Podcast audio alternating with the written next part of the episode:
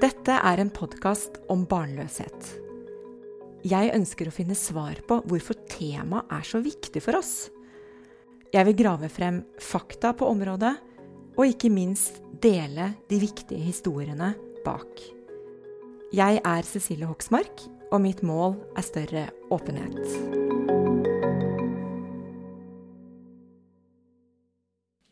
Da tenker jeg at det hviler en forventning om at jeg skal ønske velkommen.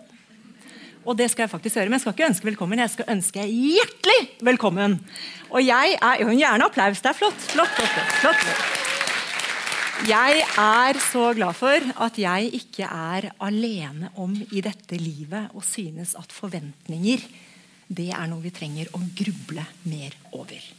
For de kan være gode, de kan være helt nøytrale. Men som regel så er det ingen av oss som går gjennom livet og bare tikker av det ene etter andre som innfris. I hvert fall så har det ikke vært sånn for meg. Og så kommer vi tilbake til det. Mitt navn det er Cecilie Hoksmark, og jeg står bak Prosjekt Åpenhet, som jeg har grunnlagt. Og min store visjon det er å hjelpe barnløse og samfunnet rundt til å kunne snakke om barnløshet på en helt naturlig måte. Og hvordan skal jeg klare det? Da har jeg skrevet bok, jeg har en podkast som heter 'Barnløs på godt og vondt'. Og jeg gjør dette. Arrangementer, jeg holder foredrag, og nå skal jeg lage kurs. Og dette her skal bli svære greier, så dere kommer til å høre mer om det.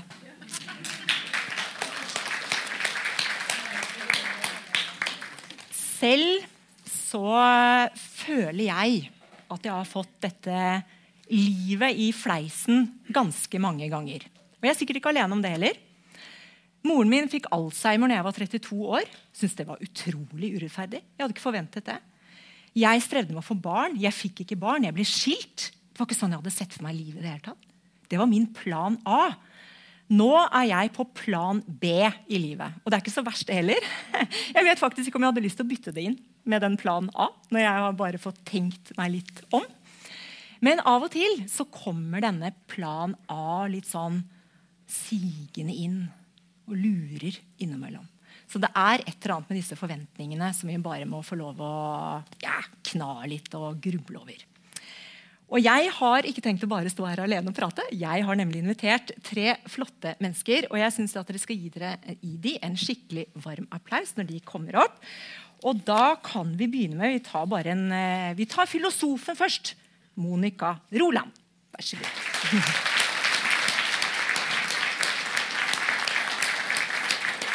Og så har vi selvfølgelig med oss eh, en psykolog, og det er eh, Sondre Liverød. Vær så god. Og så hadde jeg tenkt å si at vi selvfølgelig må ha med en prest. Det er ikke en selvfølge, men vi har med en teolog, og det er Sunniva Gylver.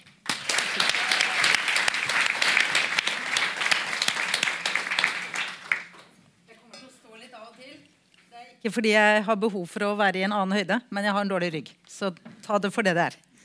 Og vi trenger ikke å reise oss når Sunniva reiser seg. Men dere skal få en, eh, en litt eh, mer utfyllende introduksjon. Ikke så lang, bare sånn lite grann, for det er ikke sikkert alle vet hvem disse tre flotte menneskene er. Monica Rolund, du er eh, Jeg sier Rolum, men du heter Roland, faktisk. Roland, ja. Så det beklager jeg. Nei, det går bra. Okay. Du er filosof ved NTNU, Ja, det stemmer. og så har du skrevet mye om kjærlighet. Ja. Og det skal vi komme tilbake til. Ja. Og så er du opptatt av flere ting, men bl.a. fri vilje. Og så har vi Sondre Livrød. Du er psykolog ved Sørlandet sykehus. Og så driver du Webpsykologen og podkasten Sinnsyn, som jeg syns er kjempebra. som jeg vil gjerne reklamere for. Og så tenkte jeg eh, at jeg må finne noen ord om deg, og så lette jeg på Webpsykologen, og så fant jeg ikke noe sånn 'dette brenner eh, Sondre for', så jeg har funnet på noe selv. Så du må bare si om du syns det passer. Og det er eh, jeg, Sondre Liverød, er opptatt av å dele kunnskap om menneskesinnet ut til folket. Ja, det passer. Passer det? Ja. ja bra. Og så er det teolog eh, Sunniva Gylver, sogneprest, Fagervåg kirke. Kanskje snart biskop. Kanskje. Du har eh, skrevet flere bøker og vært programleder i flere TV-programmer. Men det aller, aller viktigste er at du var aerobic-instruktør når jeg studerte biologi. Og noe som kalte for blodgym. Hvis det var fra. 94-95 og framover, så var det Ja, det var det. Og du beskriver deg selv som eh, en med et eh, lyst sinn og stort alvor. Det var fine ord. Jeg hadde lyst til å kopiere. faktisk. Bare gjør det. Ja, takk. Og så har jeg tegnet en mikk, for jeg tenkte det her kommer du til å glemme. Og det holdt jeg nå på å gjøre. Og det er at nytt av året, eller for meg, da, nytt, det er at dere som har kommet hit, skal jammen få lov å bidra. Hvis dere har lyst. Helt på slutten. Skal vi ikke være litt sånn rause og åpne for det. Vi tar sjansen. Det er to mikrofoner, så bare sitt og tenk om det er noe dere har lyst til å bidra med. Men fatt dere litt i korthet, da. Det var, eh, ikke sant? Ja.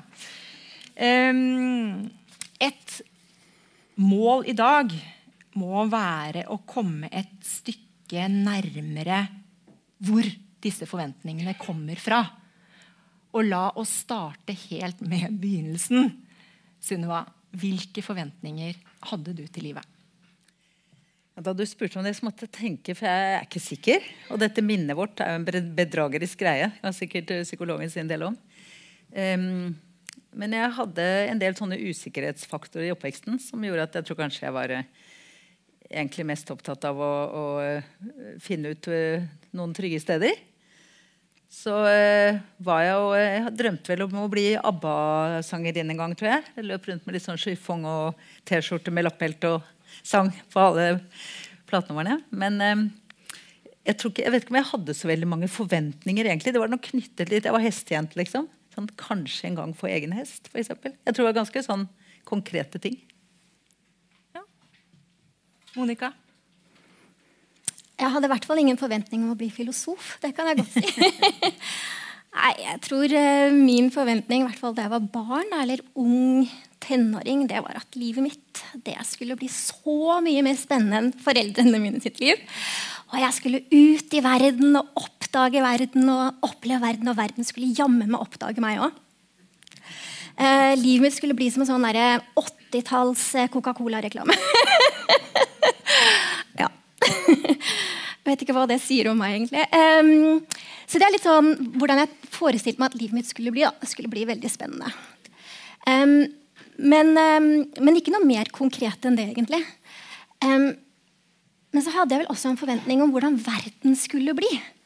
Fordi uh, jeg tenkte, eller jeg tok litt for gitt, da, at verden den går fremover. Og demokratiet det sprer seg, og humanistisk tankegang det sprer seg. og eh, Folk rundt omkring i verden skulle få oppleve den tryggheten og friheten vi har i Norge. Og ja, når bare min generasjon ble voksne, så skulle det være slutt på rasisme og diskriminering. Og ja, homofile skulle få lov til å, å gå åpenlyst på gata og holde hverandre i hendene. Så litt sånn positive forventninger da, må man jo kunne si til, til verden. Både sånn for mitt eget liv, men også for verden generelt. Og litt eh, filosofisk anlagt, da, må jeg si. Kanskje. Ja, Ungdomsskoletanker. kanskje. Ja. um, Sondre, hva Ja, jeg, tanker hadde du? jeg måtte også tenke meg om, for jeg husker også veldig lite, eller har liksom sånn litt eh, svakt eh, sånn autobiografisk hukommelse. Jeg- så, så jeg måtte tenke meg godt om. Men jeg tror vel ikke at jeg hadde så mange sånne forventninger som var mine egne. Så når jeg snakker om disse forventningene, så tror jeg vel mange av de forventningene bare lå i lufta, og at jeg bare måtte gjøre det som skulle til for å komme dit det var forventa at jeg skulle være. Så jeg synes jo Hele skolegangen og sånn var egentlig bare å gjøre sine plikter, nærmest, uten at jeg kjente så mye etter. tror jeg egentlig. Så, så det lå bare en eller annen forventning som kom fra et eller annet sted, om at jeg måtte lykkes. Og det handlet om å være selvforsørga. Og da måtte jeg ha en utdannelse, og den måtte helst vare i fem år. Og den burde helst ha noe med økonomi å gjøre, for det vistes at der fikk man flest penger, kanskje. Jeg tror egentlig jeg faktisk var sånn. Jeg vokste opp i Tønsberg, det et litt sånn overfladisk sted. egentlig. Vi så til sånne rike Oslo-gjester som kom fra eh, kom ut på Tjøme der og hadde de store båtene. eh, Så litt opp til det og tenkte at det, det er det som konstituerer et godt liv. Da, å ha, være bemidla. Og så jeg fulgte egentlig bare den, den, den løypa der og forventa at jeg skulle havne på NTNU i en sånn økonomiteknisk Jeg husker ikke hva det var engang. Og det var liksom planen hele veien. Men så ble jeg stuck på Gardermoen etter en sånn befalsskoleseanse som var litt sånn jeg skulle egentlig til Nord-Norge, og så hadde jeg kjæreste, og så gadd jeg ikke det. Og så dro jeg til Stavern, og så skulle jeg på, ja, på, den skolen. Og da trodde jeg at hvis jeg er der i tre måneder og kommer inn og sier at jeg ikke vil, så kan jeg velge hvor jeg skal være. Da skulle jeg til Mågerø, som er rett ved der jeg bodde. Men så kom jeg inn, og så ble jeg så stolt over at jeg kom inn, så da ble jeg værende der. Så jeg værende der i to år. Og da var jeg på Gardermoen uh, her, uh, som jeg landa nå i stad, og jeg er litt forsinka og stressa. Så tenkte jeg var der borte jeg skjønte, for da hadde jeg så jækla mye tid. Der satt jeg hele tiden og tenkte på, og da skjønte jeg at jeg du har aldri kjent etter på hva du egentlig vil, hva du er interessert i. Og du har egentlig bare fulgt denne strømmen. Så tenkte jeg er, jeg kan ikke holde på med økonomi. Jeg tror det er humanistiske fag. Og da tenkte jeg først på filosofi, for det begynte å interessere meg. Og så tenkte jeg at uh, da vet jeg ikke hva jeg skal jobbe med. Det skjønner jeg, jeg vet ikke hva de driver med. Uh, så, men psykologi er på en måte fetteren, uh, og da ble det psykologi. Og så har jeg alltid hatt en interesse for å skrive. Så jeg har skrevet, så Det var kanskje en forfatter i meg et eller annet sted der også, men den var strupet i disse økonomistudiene en stund. Men uh, heldigvis så, så, kom jeg på bedre tanker. på en måte, eller jeg, jeg, kjente etter. Først da tror jeg jeg hadde tid til å kjenne etter. Og når jeg da begynte å studere dette, så måtte jeg, det være mitt eget valg, og det var vanskelig for meg. For dette, nå måtte jeg ta ansvar for dette valget selv. Da hadde jeg ikke noe så det husker jeg var en sånn krise i livet. At nå skulle jeg på en måte jobbe for min egen del, og ikke for de som forventet dette. Jeg hadde ingen som speilet det. Så da, det var litt stress, husker jeg. Nå måtte jeg stå på egne bein. Da flytta jeg til Danmark, og det, det var den første krisen. mm. Men dere, klarer vi å svare på spørsmålet hvor kommer forventningene fra? Sunniva, har du lyst til å begynne? Jeg tenker jo at veldig mye handler om omgivelsene, bredt forstått. Sondre har vært inne på det allerede. Eh, men jeg syns jeg møter mye som prest. Jeg har jo noen hundre samtaler i året. Eh, og at jeg møter mye eh, Kanskje nettopp det du snakker om, noen av de forventningene som ikke er så veldig livgivende. At hvis vi har ekstremt høye forventninger til oss selv eller til livet, eller begge deler, så blir det ofte sånn at hvis jeg har utrolig høye forventninger til meg selv, som jeg ikke innfrir, så blir det mye skam ut av det. Og hvis jeg har utrolig høye forventninger til livet, eh, mye verre enn liksom 80-tallsglamouren som Monica satt med, eh, så blir jeg kanskje bitter. Eh, og både skam og bitterhet er jo sånne følelser som altså Dette kan du mye mer om enn meg, men jeg tenker det er sånne følelser som fort Vi vil ikke vedkjennes dem, og vi orker ikke å ha de, og, og vi vet ikke hva vi skal gjøre med de eventuelt. Eh, og det er klart Jeg tenker en jeg møter ganske mange som har med seg en litt sånn vulgærversjon av en sånn type positiv psykologi med at du kan bli i alt og følge drømmen og ta ut potensialet ditt. Og når da man går på snørra, som du sa noe om i starten, så er det jo fort å kjenne at man lever ikke opp til den der formelen yte og nyte. For det er jo liksom det som er kortversjonen da, eh, av det livet som Sondre først eh, så for seg. skal jeg si. Eh, kanskje nyte og yte, da. Men i hvert fall de to tingene. Og vi kan jo ikke yte og nyte maks hele livet. Altså Det skjer jo hele tiden ting som gjør at at hvis vi bare defineres som produsenter og konsumenter, egentlig, så vil vi ikke score maks på det hele tiden. Heldigvis. Mm. Og da er det et eller annet med hva slags, hva slags forventninger ligger i omgivelsene eh, som jeg bare tar med meg uten å tenke over det, men som gjør at jeg enten føler meg mislykka eller bitter fordi jeg syns at jeg har vært så uheldig for alle andre. Eh, og jeg tenker at De følelsene hjelper meg ikke til å leve. Eh, rett og slett. Det er ikke det at vi skal få lov til å ha de og snakke om de og øse det ut. Ja, det er bra hvis vi gjør. Eh, men det er også noe med å finne ut av hvordan, hvordan kan jeg på en måte konvertere noe av alt dette jeg står oppi, eh, til noe som kan gjøre meg godt, da, og gjøre andre godt. Mm. Har du lyst til å fortsette, Sondre? Fordi det du sier, Sunniva, er jo at eh, det er noe som omgivelsene forteller deg. Og det du kan spørre om da, eller lure på, er jo når startet det? da? Er ikke det sånn typisk sånn psykolog? ja, ja. jo, eller På flere nivåer, tror jeg. Så det, det, som Freud ville snakket om, er jo et slags superego som eh, internaliserer alle de forventningene foreldrene har til oss. Da, sånn at det er noen eh, helt klart kommuniseres noen forventninger, enten eksplisitt eller implisitt hele tiden, og noen standarder som uh, man skal leve opp til. og de uh, suger vi til oss, og de installeres eh, som vår egen indre eh, dommer, da, eller målestokk. Og den eh, målestokken kan være jo ganske sånn arbitrær. Hvem, det er litt tilfeldig hvem folk du har møtt og hvem du har vokst opp sammen med. Så hvor, hvor høy standarden er, det er litt forskjellig fra familie til familie og fra kultur til kultur.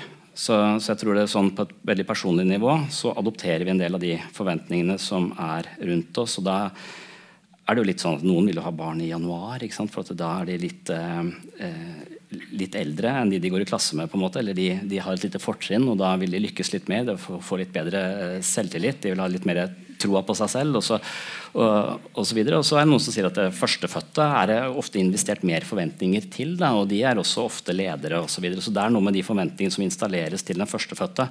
Jeg har tre barn selv. Så jeg, hun er jo voldsomt flink, hun eh, første. Og så er det litt sånn den tredje er, jo Kan jeg komme til å glemme å hente i barnehagen? Sånn.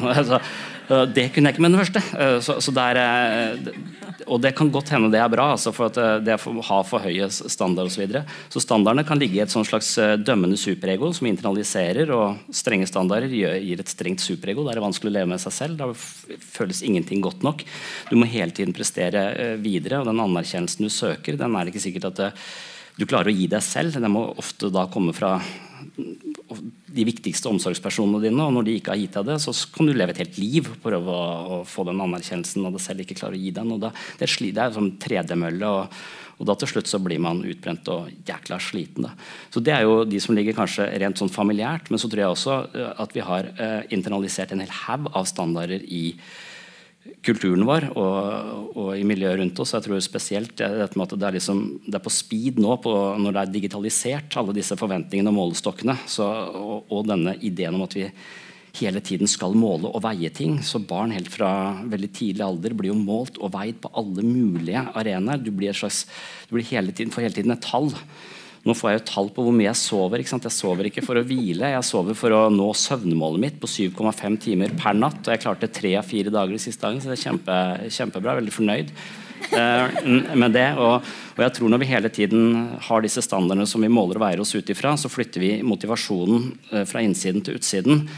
Og det er en mye svakere motivasjon. Så, så det, det er mye med denne sammenligningskulturen vår, som uh, sannsynligvis uh, gir oss uh, flere målestokker og flere tall og flere muligheter til å se hvorvidt vi er bedre eller dårligere enn andre. Og så lenge vi ser mye glamour rundt oss, så vil vi som regel føle oss dårligere. Da. Og da, da du, kan du smøre misnøye utover hele livet og sammenligne det med folk som finner alltid noe som er litt bedre enn det. Min, min grandonkel Stefan han sa at uh, komparativ er djevelens bøyningsmønster. Mm. altså det å sammenligne. Større, bedre, rikere, flinkere, penere, kulere. Uh, og da jeg vokste opp, så kom jo 'Mitt liv som hund'-filmen. Og der er det jo en, uh, Den ble jo en litt sånn kultfilm, og der er det jo en stakkars ung mann, eller, eller gutt, da. Og uansett, Han lever et ganske traurig arbeiderklasseliv og med alvorlig syk mor, mener jeg han hadde. og opplever Det er ikke noe enkelt liv, da. Men han sier jo alltid 'det gjelder at hjemføre'. Og den han sammenligner seg med, det er jo den der romhunden Laika. Som blir sendt ut i bane rundt jorda og aldri dør alene der ute. Nå har jeg hund selv, så jeg kan leve ordentlig inn i at det må være veldig veldig trist. Men det er et eller annet med at som regel så I kristen versjon så har du jo noen som er vokst opp med en sånn Tenk på barna i Afrika. Så ikke, du har aldri en grunn til å klage. Altså Uansett hva du har. Mm. Eh, men veldig mange andre deler av samfunnet vårt handler jo om, eh, som han, reklamesjefen for General Motors sa for eh, mange tiår siden, min oppgave er å vedlikeholde misnøye. Ikke sant? Og at, at, mm. at, for veldig mange så det er, en, det er, en, sterk motor i vårt samfunn på å fortelle oss hva vi ikke har, hva vi mangler, hva vi burde oppleve, hva vi burde prestere. Og jeg må nok si at For meg som uh, religiøs da, så er det liksom fascinerende, for jeg opplever at veldig mange er veldig engstelige for religiøs påvirkning. Og jeg kan forstå det. Religion er best og verst. Sunn tro er det fineste av alt, usunn tro er det farligste av alt.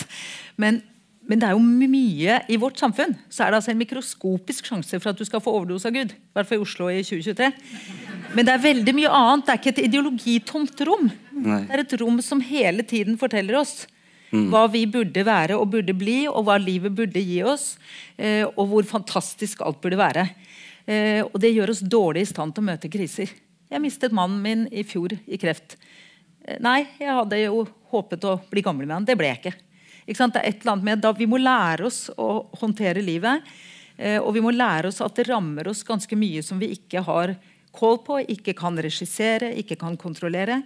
Uansett hvilket livssyn eller hvilken tro vi måtte ha. Eh, og da er det litt sånn fascinerende for at mange tror at liksom dette rommet, hvis du ikke er religiøs, så, så er det ingenting. Det er alltid ideologi. Det er alltid tanker og, og på en måte ballast og, og budskap rundt oss som vi tar inn på hva et godt liv er, hva et menneske skal være, hvilke ansvar eller drømmer eller altså hva vi nå skal ha. Vi blir påvirket hele tiden. Eh, og det tror jeg vi må ha en mye mer sånn åpen samtale om for å bevisstgjøre oss på hvor mange stemmer som prøver å fortelle oss hele tiden da, hva som er det gode livet, eller hva vi skal bli når vi blir store. Ja. Mm. Monica, mm. kan ikke du hjelpe oss å, og Nå satt jeg og tenkte, jeg ble helt sånn forvirret her. og tenkte, Vi snakker om forventninger. Mm. Hvor kommer de fra? Jo, kanskje fra barn og fra kulturen, fra foreldrene. Og så begynte vi å snakke om sammenligning. Mm. Kan, du, kan, du, hjelpe meg å rydde opp i det? kan prøve. Ja. Uh, bare sånn, vi, når vi snakker om forventninger, så finnes det veldig mange forskjellige typer forventninger. Jeg tenker at De forventningene vi snakker om her i kveld, det er de forventningene vi har til hvordan livet skal bli, eller hvordan livet skal være. Og forventninger til oss selv, selvfølgelig. Hvordan vi skal være. Uh, og forventninger til, til, de folkene som skal være i livene våre.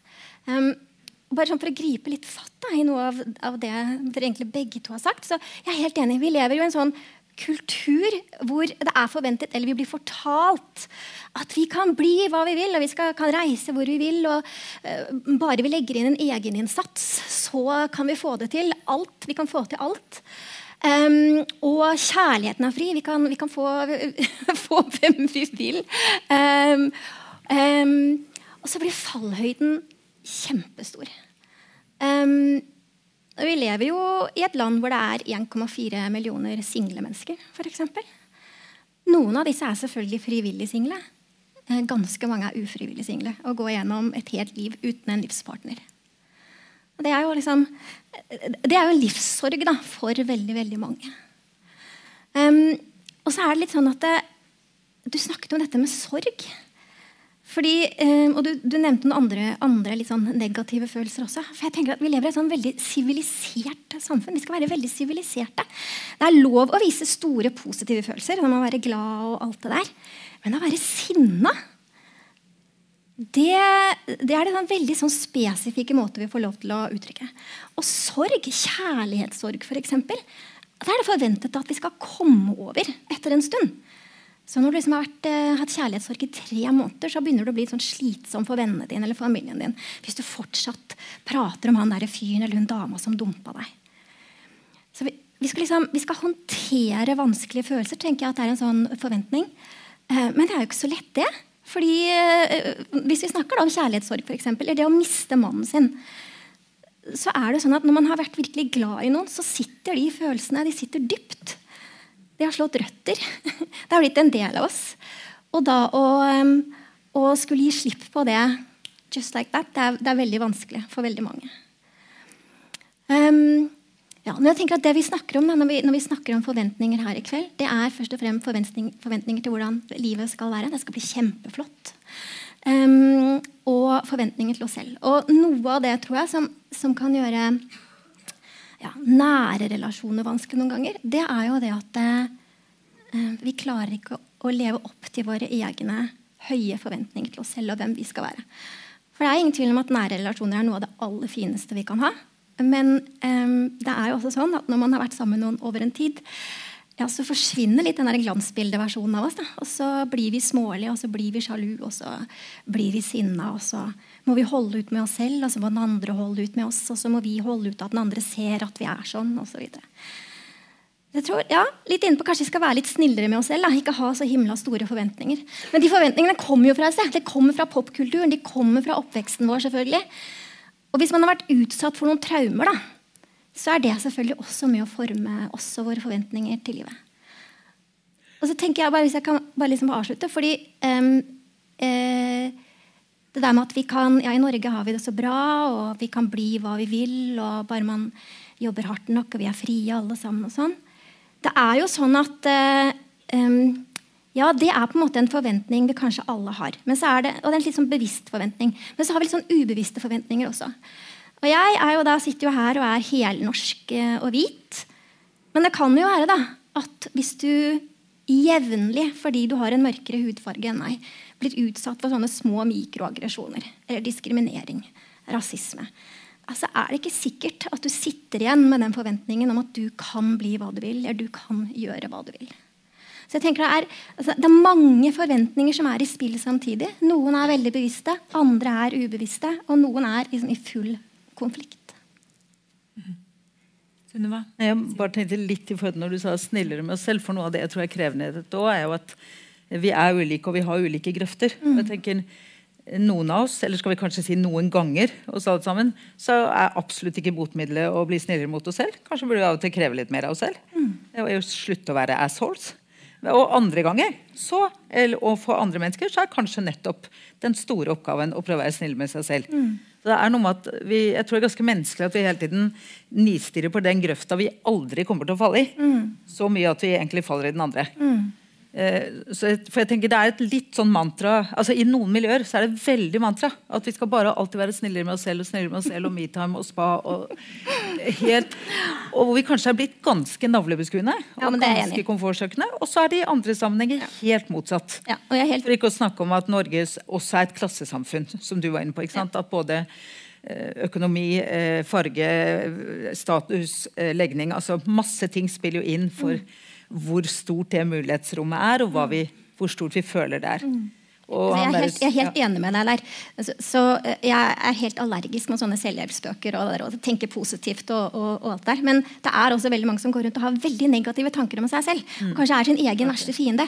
Og det blir veldig lett når vi lever i en tid hvor sosiale medier eh, jo er overalt, og, og, disse fantastiske glansbildene vi ser av andre som vi måler oss opp mot, det er urealistiske bilder. Så det er der jeg mener at vi skal være snille mot oss selv. Selvfølgelig så skal vi også stille krav til oss selv. Det handler om å stille krav til, til hvordan man oppfører seg mot andre mennesker, f.eks.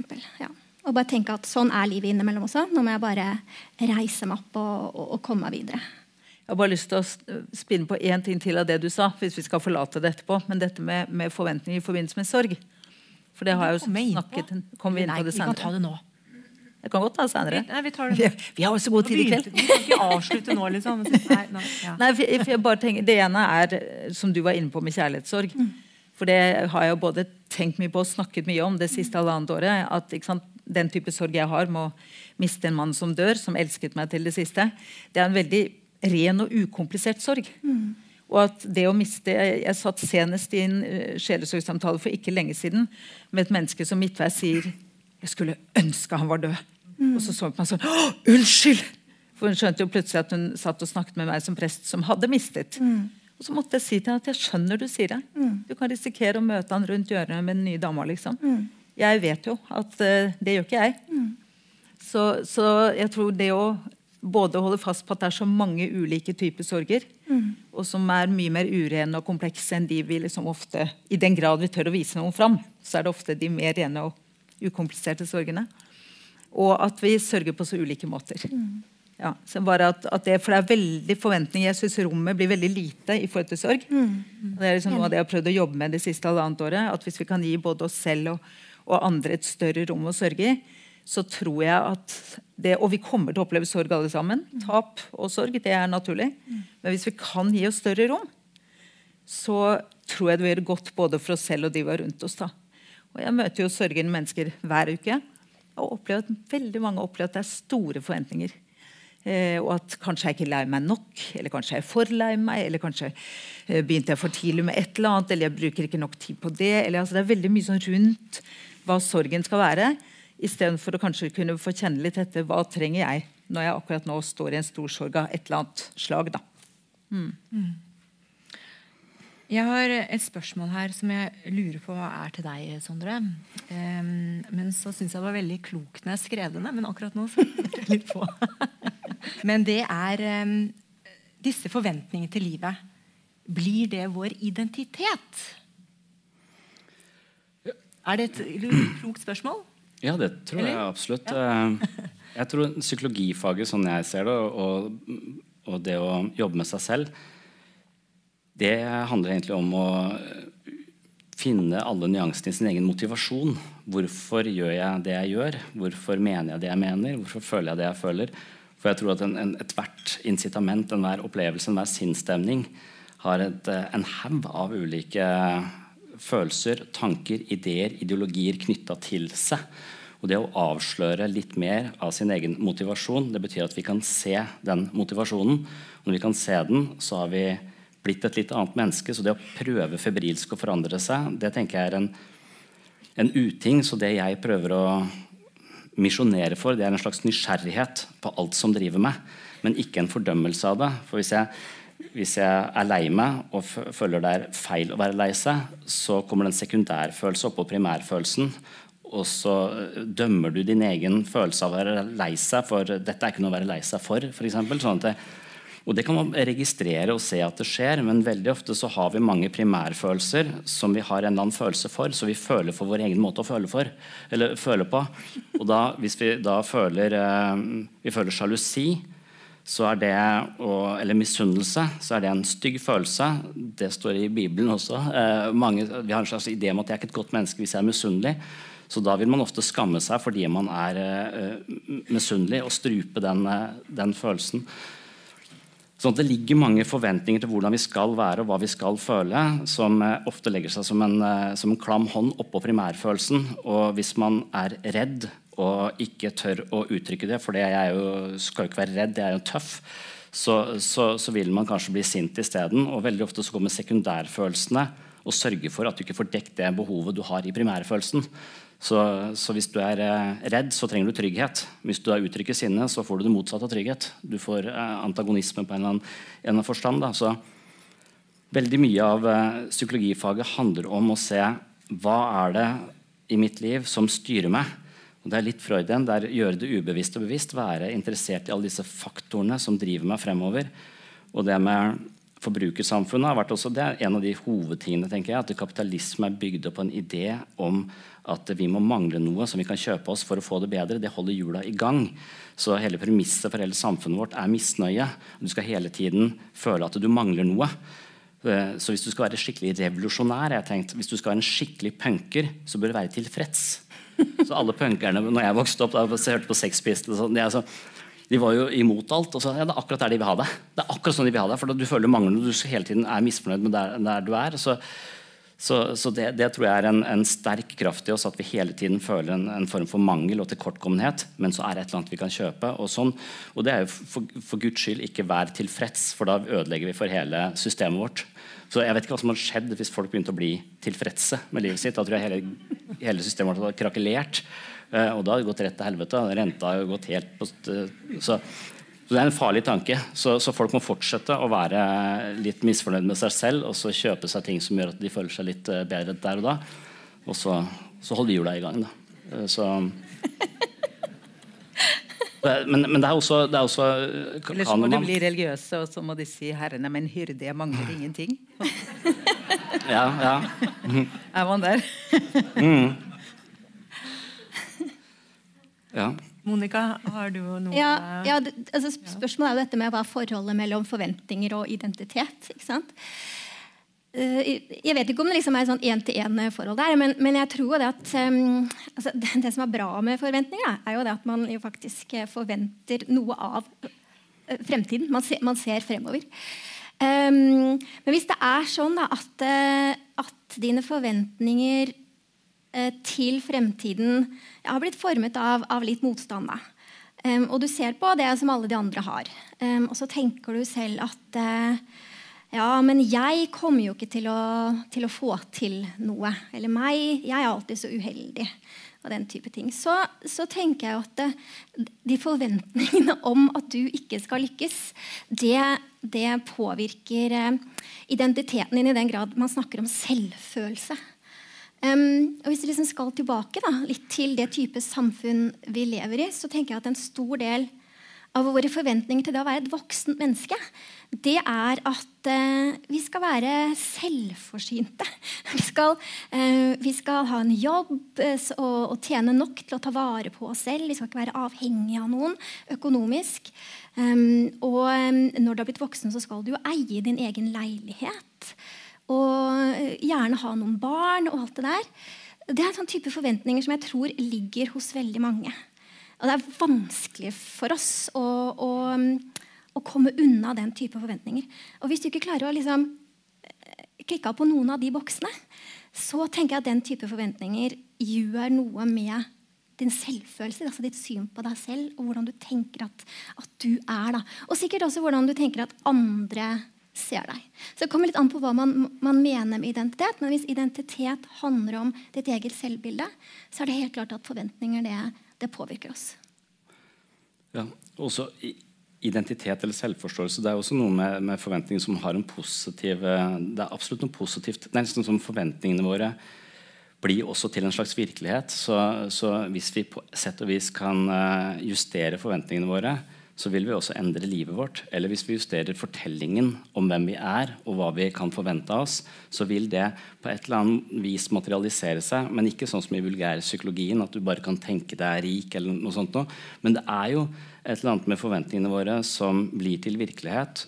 og og det er så mange eksempler. Du kan f.eks. tenke deg selv yngre. på en måte. Du kan ha forventning om Eller du kan tenke deg selv til et langt liv. Du kan ha forventning om at du skal leve, bli gammel. Og de som har forventning om det, de lever lenger. Eh, så, så det, det, er et eller annet med Det går jo helt ned på sånn placeboeffektnivå, hvor han, eh, Henry Beecher i første verdenskrig sto der på slagmarken og skulle operere på folk, men så hadde han ikke mer, eh, mer bedøvelse. Så jeg tenkte hva faen gjør jeg nå? Altså, hvis jeg opererer på folk uten bedøvelse, så vil de ofte få hjertestans og jæklig vondt. Og så lagde han sånn, sånn, et eller annet sånn saltoppløsning eller noe som han ga dem, som han, de trodde var morfin. Og så lenge de trodde det, så hadde den 90 av effekten til morfin. Så han kunne operere helt fint på folk hvis de forventet at dette her er smertestillende. Og, og, det å ta disse forventningene da ut i det, det er klart at det, Hvis du har høye forventninger, så risikerer du å mislykkes og, og, og falle ned. Men du risikerer også kanskje å um, få et liv som er meningsfullt, og det du, det, det du ønsker. på sett og vis. Så, så det, jeg var veldig uklar med hvordan jeg tenker om, uh, om forventninger. For, for, min oppgave har ofte vært å justere folks forventninger til seg selv ofte på en positiv måte. Altså, de har veldig få forventninger til hva de kan klare hva de kan få til. De føler seg som et offer for omstendighetene, og det er ei grøft å være i. Men du har, eh, jeg har mer troa på de enn de har på seg selv. Jeg, jeg tror det var Viktor Frankl som sa det. Altså, hvis, du, hvis, du tror, hvis, du, hvis, du speiler menneskers egne forventninger til seg selv, så blir de ofte middelmodige. Så du må se de litt bedre enn de egentlig er. Så kan de på en måte karre seg eh, opp. Så altså, det, er noe, det er et eller annet i den eh, ideen der også, dette med å tenke seg til et lengre liv, det er jo studert av Ellen Langer, hvor hun ba 70-80-åringer Hun inviterte de inn i et uh, type kloster hvor, hadde, uh, hvor beskjeden til den ene gruppa var lat som om dere er uh, ja, på, på 50-tallet. Og dette var på 70, 79. Og alt, alle blader, alle aviser, alt var som på 50-tallet. Så disse menneskene som var 70-80 år, de flytta tilbake til 50-tallet. De snakka om det som, var, det som var på radioen fra 50-tallet. De, de, var tilbake på 50-tallet. Og når de tar de ut etter 14 dager, så har de bedre syn. De har mindre uh, smerter, mindre betennelse i kroppen. De, har, de er mer uh, fleksible. Mens den andre gruppa som ikke får den samme uh, beskjeden, den, den, er like gammel når den kommer ut. på sett og vis. Så, så selve forventningen vår til livet også, det materialiserer seg til en viss grad. Og, og, dermed så vil det narrativet selvet vårt, eller den ideen vi har om oss selv, og, og, og det også i hvert fall være oppmerksom på hvis den hele tiden tar oss ned en blindvei eller rakker ned på oss eller dømmer oss på en sånn negativ måte som dere var inne på. Hvis du har, et, hvis du har en forfatter uh, som er dyster i ditt eget liv, som skal fortelle historien om ditt liv, så vil det også ofte bli en variant av den virkeligheten du opplever. Da. Så det å installere en litt uh, hyggeligere uh, dramaturg i, egen, i, din egen forventning om deg selv, det tror jeg kan, kan være en, et viktig ganske viktig å, å, å, justere. og Derfor så tror jeg også at eh, at det som er ideen bak psykedelisk terapi, for eksempel, det er at du får en slags overdose av oksytocin, som er kjærlighetshormonet. Så hvis du pumper folk eh, med sånn mikrodosering av MDMA, for eksempel, og de snakker om seg selv og sin egen, så gjør de det med kjærlighet og med tro og med trygghet. De gjør det med en helt annen valør istedenfor den indre kritikeren. Det kommer ikke til å gå. Du får sikkert ikke til. Altså, du avslutter, du kommer over den indre kritikeren. Den får ikke sånn hegemoni eller de negative forventningene, frykten og alt det der. Så, så, så, det er jo noe som man snakker om eh, i, mye i psykologifagene. At det, det, viser seg at det også virkelig omprogrammerer folk litt, da, som, som, tenker dystert på livet, tenker at 'jeg er ikke verdifull, andre er mer verdifulle enn meg'. alle disse ganske fastlåste forestillingene de har om seg selv, som også styrer livet, fordi at de stiller seg bakerst i køen. De tror at andre gjør dette bedre enn meg, så de tar ikke den plassen. Ikke så, så, så, der det å drive og hjelpe folk til å være litt superbrukere og se på de fortellingene du forteller om livet ditt, de er sammensatt av tusen ting folk har sagt til deg, og tusen forventninger i kulturen, og målestokker og alt mulig rart. Og det å orientere seg i dette kaoset her sånn, på en god måte, det er faen ikke enkelt. Mm. Men, eh, men, viktig. Eh.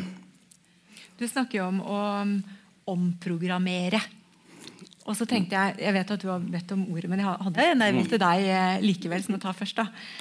Du har jo måttet omprogrammere, eller i hvert fall Eh, et ønske om det fordi du mistet mannen din og hadde sett for deg et liv med han eh, fremover.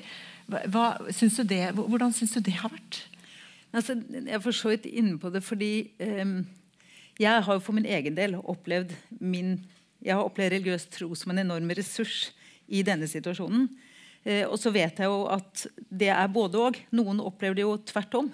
Det er fortellingen om hva tro og religion, religiøs tro, da betyr i menneskers liv i kriser. Det er liksom hele spennet. Og det er klart at Hvis jeg hadde hatt med meg og det er bare liksom, Når du sa med identitet fordi eh, jeg har med meg en type tro eller teologi som sier at Gud har skapt alt, at Gud er her, at Gud vil være med meg gjennom det vonde. Eh, at en gang skal alt bli godt og rettferdig. En type himmelhåp, gjenopprettelse. Og det blir for meg en veldig sånn positiv ressurs. Jeg føler meg elsket, jeg føler meg sett, jeg snakker med Gud hele dagen. Nå er ikke Lars Kristian her som jeg kan snakke med hele dagen. Det er jo det jeg savner liksom mest. Den der ongoing samtalen etter 34 år med masse interne greier. Men den uh, har jeg i hvert fall med Gud. da. og at uh, For meg har det vært en, uh, en, ressurs og en sånn ballast inn. Jeg snakker en del med de jeg snakker med om hvordan vi kan klare å konvertere bagasje til ballast. For vi får jo mye bagasje gjennom livet. Og det som da reiser mye med tog, og tre barn og interrail i en måned, og sånn, så har du altså så mange eh, sånne hva er det heter, collie. At det er et mareritt med bagasje. Men vi trenger den jo. Den har jo det vi trenger. Men eh, den er ofte tung og hindrer framdrift og retning og reiseglede. bokstavelig talt. Eh, men hvis vi klarer med vårt livssyn og tro eh, filosofi, livsfilosofi og konvertere det til ballast. Det er jo fortsatt tungt, men da ligger det liksom i kjølen og hjelper oss å holde stø kurs. Det er jo ikke det at tyngde er farlig, men det er noe med hvilken type tyngde. Og det er klart Har du med deg en religiøs tro som tolker det at f.eks. jeg mister han jeg elsker, hvis jeg tolker det som Guds straff eller Guds fravær, så vil det jo ikke hjelpe meg noe som helst. Eller hvis jeg er redd for at han nå er i et helvete med evig pine fordi han ikke var religiøs, så vil jo det også være en enorm belastning. Så Vi må ikke snakke lettvint om noen type tro eller filosofi eller, eller livssyn, for det, det, det fins i alle varianter. da. Men det å, å, samtale og snakke sammen og hjelpe hverandre til å se hva kan faktisk være livgivende. Og i forhold til identitet så er det klart at det at jeg føler meg skapt i Guds bilde, elsket, tilgitt, eh, båret gjennom ting, eh, det er en sterk del av min identitet. Eh, og, og, kanskje viktigere enn forventninger. Jeg, jeg har hatt det vanskelig med å tenke forventninger. fordi, og Det siste, det er kanskje inn til det du spurte om. Jeg husker jeg tenkte så bevisst da jeg låste meg inn nede etter å ha stelt Lars Kristian den eh, dagen på Lovisenberg. Eh, og hvor jeg liksom kjente i det jeg låste meg inn, at nå låser jeg meg inn som enke. Eh, det bare slo meg da. Jeg har vært sammen siden jeg var 20. Jeg har aldri vært voksen uten å være sammen med noen. Og da kunne kjenne at men oppgaven min den er akkurat den samme. Jeg skal prøve å elske Gud og elske min neste som meg selv. Prosjektet i livet mitt er helt det samme. Og det var utrolig deilig. Eh, og så skjønner jeg det er mange faktorer som gjør hvorfor det kan være enklere for meg enn andre. Eh, og at, at prestejobben jeg tror nok, det er, det, er, mye jeg er udugelig på, men akkurat sorg det kan jeg ganske mye om. Men det å, å, finne ut av hvor kan vi finne litt sånn grunnfjellet vårt eh, oppgaven vår, for jeg tror Når vi snakker forventninger, så tenker jeg av og til må vi alltid snakke så mye om forventninger? Kan vi snakke om eh, hva som er viktig for oss? jeg vil sette noen gode spor. Og det må jeg finne ut av hvordan jeg skal gjøre. Jeg vil elske. Det må jeg finne ut av hvordan kan vi gjøre det, de vi lever med, til de rette. Om det er en kjæreste eller om det er noen andre. Eh, at jeg tror av og til også at samtalen kan bli litt sånn hva skal vi si, introvert på en måte som ikke nødvendigvis frigjør oss. da. Men det kan sikkert filosofen og psykologen si enda mer om. så jeg er spent på å høre på dere. Det var veldig fint. Syns dere ikke det? Jeg synes det var veldig fint. Um, ja, la oss klappe. Uh, uh, alt du sa, var fint. Men plukke ut én ting. Det der å gjøre den man er sammen med, til den rette. Det tenker jeg at det kan, kan gjelde. Når det er mulig. Når det er mulig, selvfølgelig. Um, nei, jeg regner med at ingen her forventer at man skal forbli for eksempel, i en voldelig relasjon. Um, eller en veldig destruktiv relasjon. Men uh, jeg tror kanskje at vi har litt urealistiske forventninger til relasjoner. Um, og det er jo sånn at kriser også noen ganger binder oss mye nærmere sammen. Det å komme gjennom kriser sammen. Um, og um, at man får en dypere tilhørighet, dypere følelse for hverandre.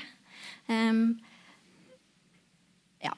Jeg, jeg tror det, det, er, det, er, lett å komme med en sånn samfunnsdiagnose.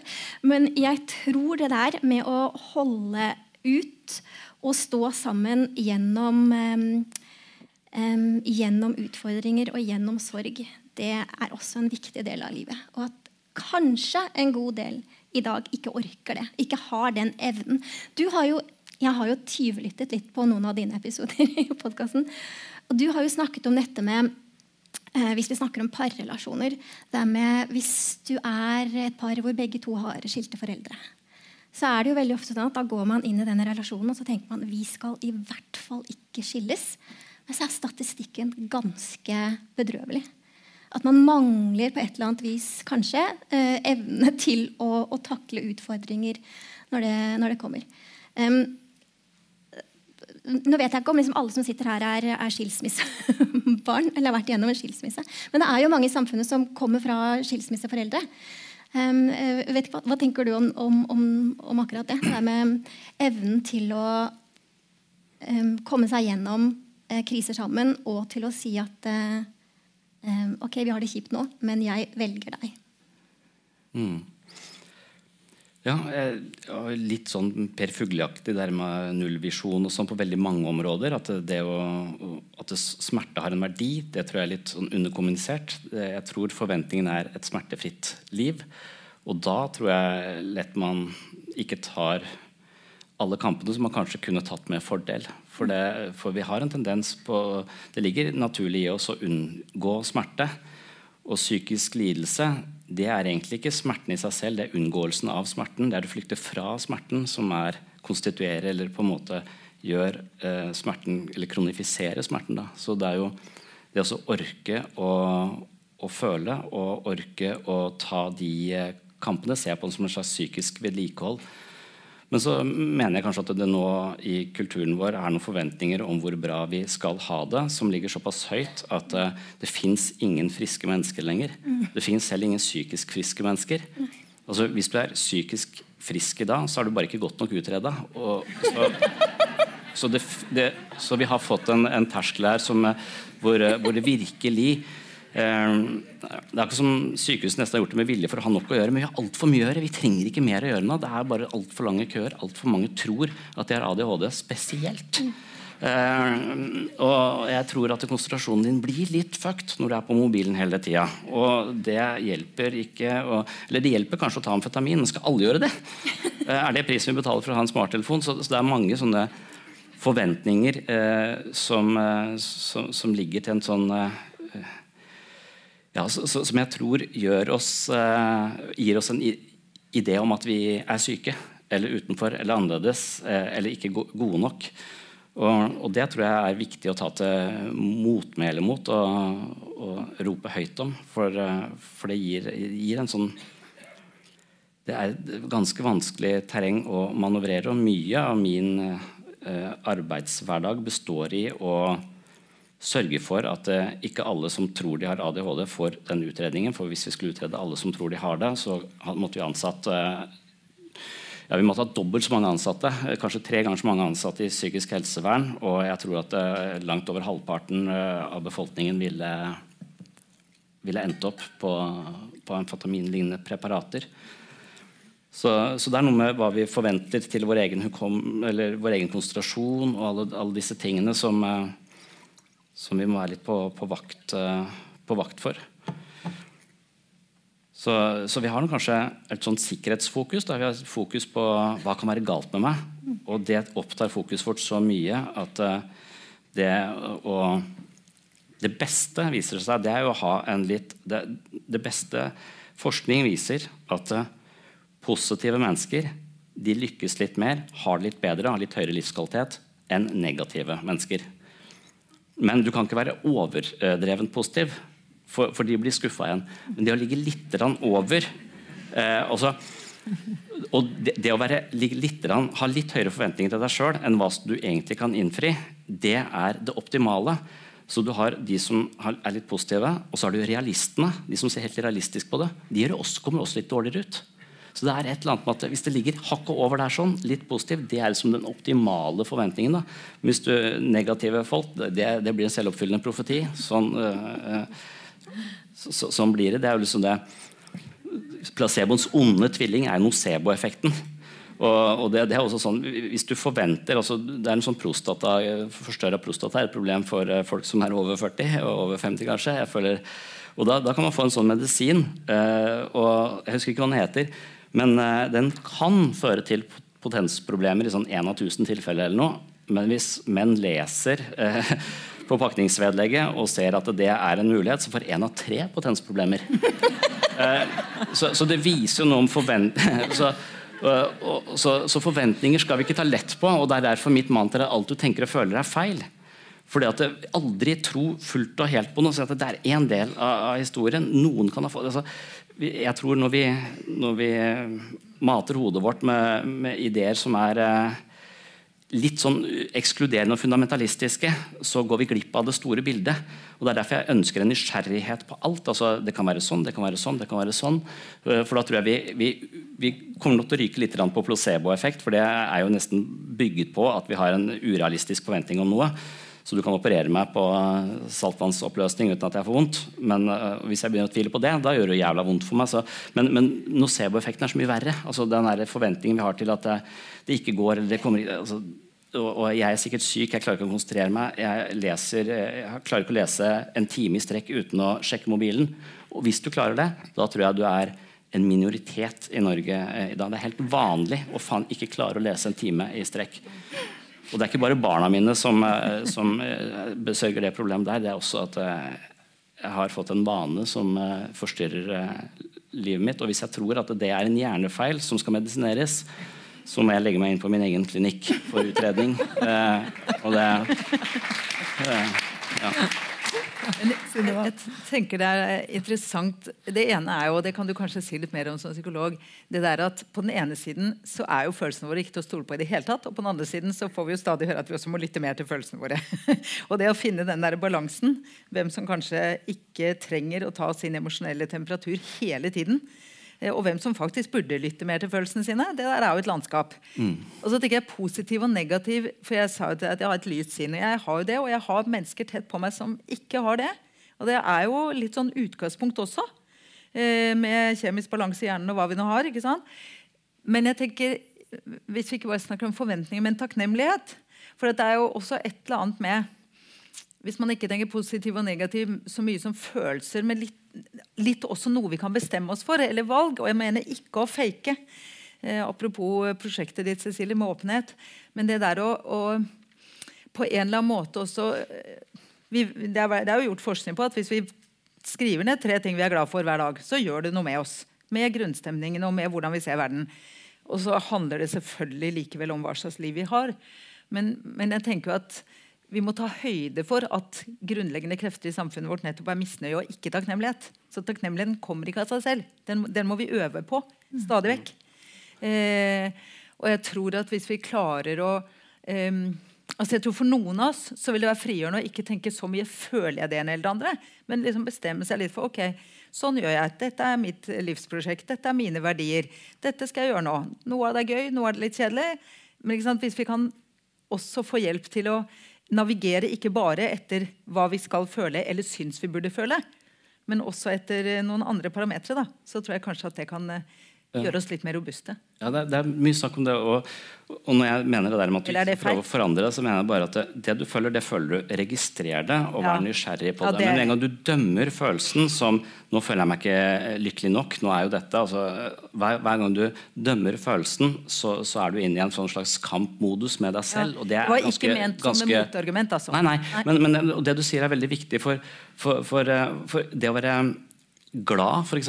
Å være mye glad, det, det kan være Og glede, da, en slags sånn eufori, sånn virkelig sånn eh, fantastisk, eller en veldig sånn varm følelse, som jeg kan ha overfor barna mine når de sover.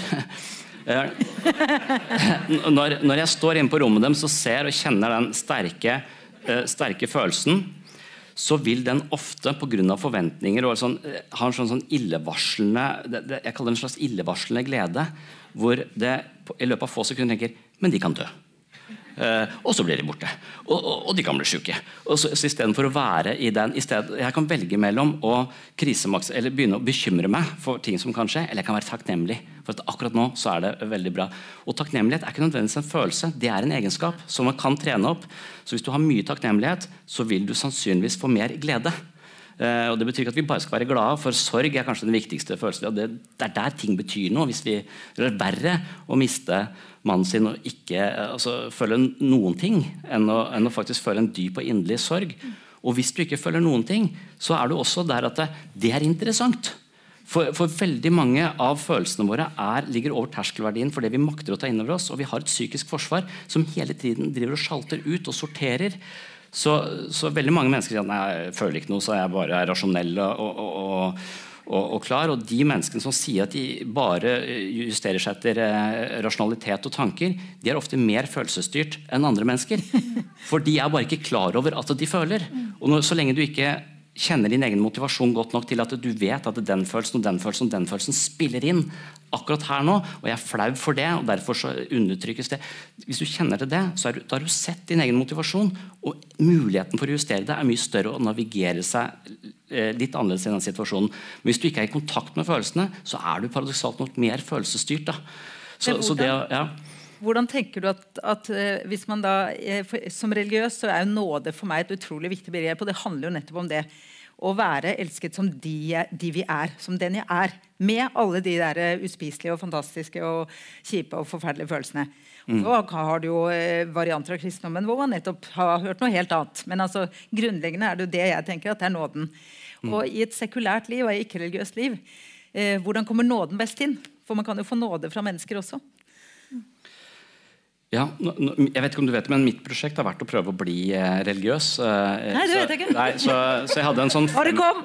Jeg hadde en, eh, jeg hadde en fem års eh, periode i litt sånne frikirkelige samfunn hvor jeg diskuterte med en pastor, litt sånn småkrangling egentlig, men så, litt sånn pubertalt egentlig, akkurat det der, sånn frivillige og, og alle sånne ting. Men, men det var også noe med Det er viktig, da. Ja, ja, det, det var litt gøy i hvert fall. Og, og, og, og sånn. Men hvis jeg skal ta tempen på de menighetene, så mener jeg at der er det en, en fantastiske mennesker som, en, eh, som er motivert av en idé som ofte er veldig god. Men som, altså, som person så ble jeg av og til litt sånn men, øh, Hvor er aggresjonen i, i den for, Folk er sånn veldig blide. eh, og de er såpass blide at jeg blir ikke sur uansett hvor blid jeg er. Så jeg føler I de menighetene så følte jeg en slags eh, undertrykkelse av aggresjonen. Jeg vet, ikke helt om den var tillatt. Jeg hadde i hvert fall en, en slags følte som en stilltiende justis på at forventningen her er at det, det er godt. det er, eh, det er, så, så de mørke følelsene eh, savnet jeg et uttrykk for. eh, i, men det var kanskje fordi jeg var i litt sånne litt trangere frikirkelige miljøer. Ja, Kristne har i hvert fall utgangspunktet ikke noe skrekk for de mørke sidene av mennesket. De Nei. i aller høyeste grad. Kan er både filosofen bare-. Kan Kan filosofen bare få komme med en liten sånn replikk til dette forholdet mellom eh, følelser eller emosjoner og rasjonalitet? Fordi Ja. Det er åpenbart eh, sånn at eh, enkelte følelsesmessige responser de er veldig passende. De er riktige for den situasjonen. Så det er å være liksom redd for de der negative følelsene, f.eks. sinne, det er en viktig, veldig viktig emosjon. For i noen situasjoner så er det selvfølgelig veldig viktig og riktig å bli sint. Når f.eks. Eh, barna dine blir krenket av noen. Det er selvfølgelig sinne, det er informasjon om at her skjer det noe med noen som jeg bryr meg om, som ikke er bra. Så det er å være redd for følelser, at følelser aldri kan eh, være rasjonelle på et eller annet vis, det tenker jeg også er et veldig sånn skadelig syn på følelser. Følelser kan være rasjonelle. Ja, det er veldig moderne å si eh, altså, jeg tror nesten ikke man snakker om følelser og tanker lenger. For, for enhver sinnstilstand er konglomerat av ulike følelser. og Så føler man noe for den følelsen man opprinnelig har, og så har man en tanke knytta til den følelsen og en standard knytta til den følelsen. Så jeg tror det vi kaller en følelse, er ofte eh, ganske mange kognitive funksjoner satt sammen til en helhetlig eh, opplevelse. Og Noe av problemet med psyken vår er at det overveldende opplevelser som de fleste av oss blir tildelt i livet vårt, det håndterer psyken ved å kappe opp opplevelsen i, i små deler og plassere de ulike eh, avlukker i psyken vår, sånn at de ikke kommuniserer seg imellom. Så, så, den helhetlige opplevelsen som er for smertefull, den blir spalta ut. Så noen ganger husker vi det som skjedde, men vi husker ikke følelsen. Andre ganger får vi en sterk følelse uten å skjønne hvorfor. Og Det er fordi sykens måte å operere på er å spalte eh, disse tingene. og det å, og Psykoterapi handler ofte da om å, å skape, prøve å integrere dette igjen på en såpass langsom og skånsom måte at vi kan bære den helhetlige opplevelsen. For hvis ikke så truer det avspalta følelsene med å dukke opp i, eh, i bevisstheten vår. Og Freud mente at det var Freudian slips. ikke sant? Altså, jeg har vært hjemme i jula, og det er jo litt irriterende når kona min, nei, moren min alltid driver og, og, og, og idet jeg sier kona mi i stedet for moren min, så sier jeg ja, er kona di også litt kontrollerende? Nei, nei, det er bare mamma som alltid skal styre og stelle. Litt, så, så, sånne små, små, følelser som jeg kanskje synes, hvis jeg hadde hatt det overfor kona mi, hadde vært litt truende for ekteskapet. Det å være irritert på følelser, det, det hadde vært en truende følelse som, som jeg ubevisst unngår, men som likevel ligger der. Så det å bli kjent med seg selv det handler jo hele tiden om å være nysgjerrig og, og, og hele tiden se nye sider, men ikke konkludere. Ikke at dette er en riktig følelse eller dette er en gal følelse. Dette er en følelse, og sannsynligvis så ligger det mange andre elementer eh, inn, innbakt i dette her, og forventninger som styrer eh, akkurat denne, denne, handlingen. Så på et eller annet tidspunkt så må du bare handle på det. Men vær alltid nysgjerrig. Det er et evig og egentlig interessant eh, prosjekt. da. Jeg, tenker... jeg, har et, jeg, har et, spørsmål til Monica.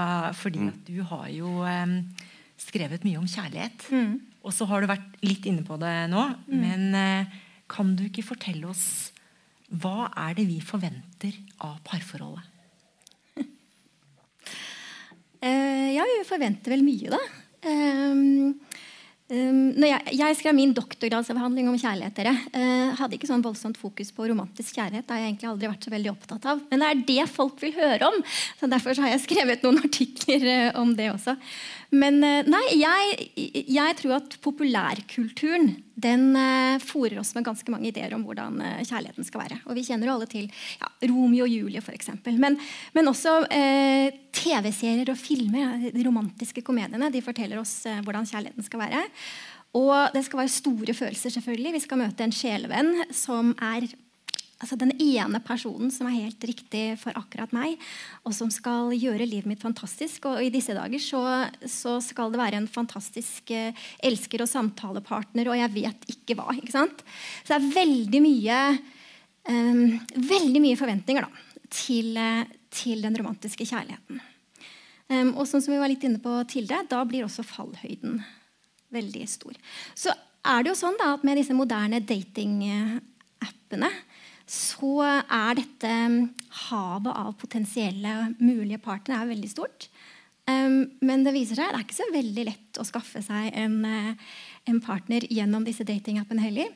Um, så ja, ting kan tyde på at fordi vi har så veldig mange uh, valgmuligheter, så blir vi i en eller annen grad um, litt mer ufrie. Det høres litt sånn paradoksalt ut. I hvert fall så blir vi dårligere til å velge.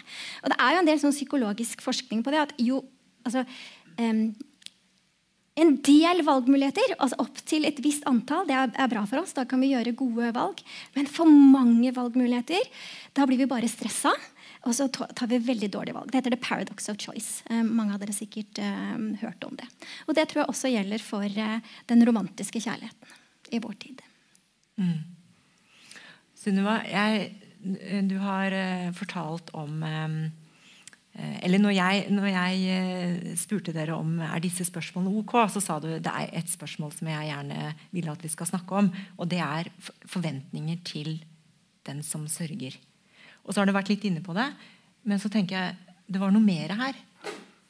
Det var, noen må ha hatt noen forventninger til deg som du føler at du ikke reagerte som du skulle? eller? Hva ligger Ja, bak? det er jo fordi altså, min, Da jeg skrev bok sist, så handlet det jo nettopp om at jeg dagen etter at Lars Christian eh, døde, så var jeg nede på Tjuvholmen og bada. Ungene var ute hos sine venner. Og så eh, hadde jeg vært nødt til å legge ut noe på Facebook, for noen andre hadde begynt å legge ut noe på Facebook, så jeg visste jo at det lå ute en status om hva som har skjedd. Og så tenkte jeg liksom på hva Hvis noen av mine 5000 nære venner på Facebook er her, eller har fått den videre, og ser det, og det er ikke så mange dreads nede på, på Tjuvholmen, hva, hva tenker de da? Syns de at jeg flykter, eller tror de at jeg ikke elsket ham nok, eller er jeg overfladisk eller umoralsk? eller... Og så tenkte jeg, Hvis jeg som profesjonell sorgarbeider og ifølge mine barn skamløs eh, tenker sånn, så er det sikkert veldig mange andre som tenker sånn. Og Derfor så fikk jeg behov for å eh, si noe tydelig, fordi folk hører jo bedre på deg når du snakker dagen etter at mannen din er død, enn når du gjør det etter fem år. Selv om det sikkert er tyngre etter fem år. Så da var det et mål for meg å prøve å si noe om at, og det var det vi var så vidt inne på i stad, å gi, hverandre, gi oss selv og andre større rom. Da. Og det er jo noe av det som dere også har kretset rundt. Eh, og gi større rom for å sørge på den måten du trenger. Og det gjelder jo egentlig alle disse følelsene og store Jeg opplever jo veldig konkret, som du sier, Sondre, jeg ville ikke kunne sagt det kanskje det psykologiske, språk, psykologiske språket, men at det er for mye å ta inn en sånn type sorg i sin bredde med en gang. Så noen ting er jo tyngre nå enn de var for halvannet år siden, for nå begynner det å synke inn. Nei, jeg får faktisk ikke se han igjen her. Eh, så, så, og det tror jeg er noe sunt i det òg. En sånn reguleringsmekanisme som vi trenger. Ja, forsvaret er der for å sørge for at vi ikke lider Ikke psykisk sant? eh, sammenbrudd. på en måte. Så, så det å ta det etter Ikke hvert det, det kan, men, men oppi det så tenker jeg at det er noe med likevel, selv om vi må gjøre det, å være tett nok på oss selv til å se jo, jeg trenger faktisk å trene hver dag eller dra ned på Tjuvholmen, og så må jeg gråte veldig i et minutt, og så er jeg ferdig. Istedenfor at det liksom blir at jeg må? Mange har en følelse at når du mister noen, så må du gråte veldig, og så må du gråte mindre og mindre, og så etter tre måneder skal du være ferdig. Så vet vi jo fra forskning og erfaring at det fungerer ikke sånn. Men likevel så har vi en eller annen formening om det. Og mange, jeg har opplevd mange stresse veldig før begravelse. Jeg har jo sørgesamtaler når jeg har bisettelser, så vi snakker sammen om begravelsen. Og at det er en sånn eh, De er redde for å bli for eh, lei seg, så det ikke passer seg. Vi driver jo ikke og flerrer eh, klærne våre og kaster jord i, som man gjør noen andre kulturer. Roper høyt. Og så er de redde for å ikke følge nok og bli sittende og virke kalde. At det er liksom mye sånn reguleringsarbeid da, som man må gjøre. Men jeg har bare lyst til å lenke oss tilbake til midt i den romantiske kjærligheten og allkjærligheten og den selvkjærligheten og blikket man, som du snakket om, Sondre. At, for jeg synes En av de beste barnebøkene jeg hadde, var jo når vi, det var sånn liten fortelling om sola og vinden som skulle kappes om å få frakken av mannen. Sikkert noen her som har hatt den. Eh? Og hvor da De lager veddemål, og hvor først skal vinden, og den blåser og holder på. Og Jo mer den blåser, jo mer tviholder jo mannen på frakken sin. Og så er det jo sola sin tur, og den baker. Og det går ett minutt, og så hiver han frakken helt frivillig. Og jeg tenker det er jo liksom det der blikket, Hvis vi kan ha det blikket inn på oss selv og ut på andre, og som for meg også er Guds blikk på oss, da, nåden, så er det nettopp at da er det ikke farlig å se alle de der følelsene og tankene og alt det som er At det truer ikke identiteten vår. Eh, og da går det an å på en måte hive en god del av de der beskyttelsesmekanismene. Da. Og da kan vi jo finne ut av å gjøre noe for det vi ikke gjør noe med. Det gjør jo noe med oss. Det er jo noe av det du har sagt noen ganger. At det, eller noe lignende, da. hvert fall. At, eh, at hvis det er masse ting jeg ikke kan tør å se eller kjenne på eller forholde meg til, eh, så vil det gjøre noe med meg likevel. Mens hvis jeg kan ved hjelp av Guds eller bare menneskers, ettersom jeg ser jo både Gud og menneskers blikk på meg selv, hvis jeg kan liksom ha det blikket inn selv også, og tåle det jeg ser, så går det jo an å finne ut av hva skal jeg gjøre noe med, og i hvilken rekkefølge. og når det da er sorgen, finne ut Jeg har følt meg så tett på min egen sorg hele veien. Jeg tror ikke det er fordi jeg liksom er eh, mye flinkere til å sørge enn andre, men jeg, nok, jeg gir nok meg selv et ganske stort rom. da. Og det handler jo om at jeg også har fulgt så mange mennesker at jeg vet at sorg er så utrolig forskjellig. Og så vet jeg at jeg ikke er aleine.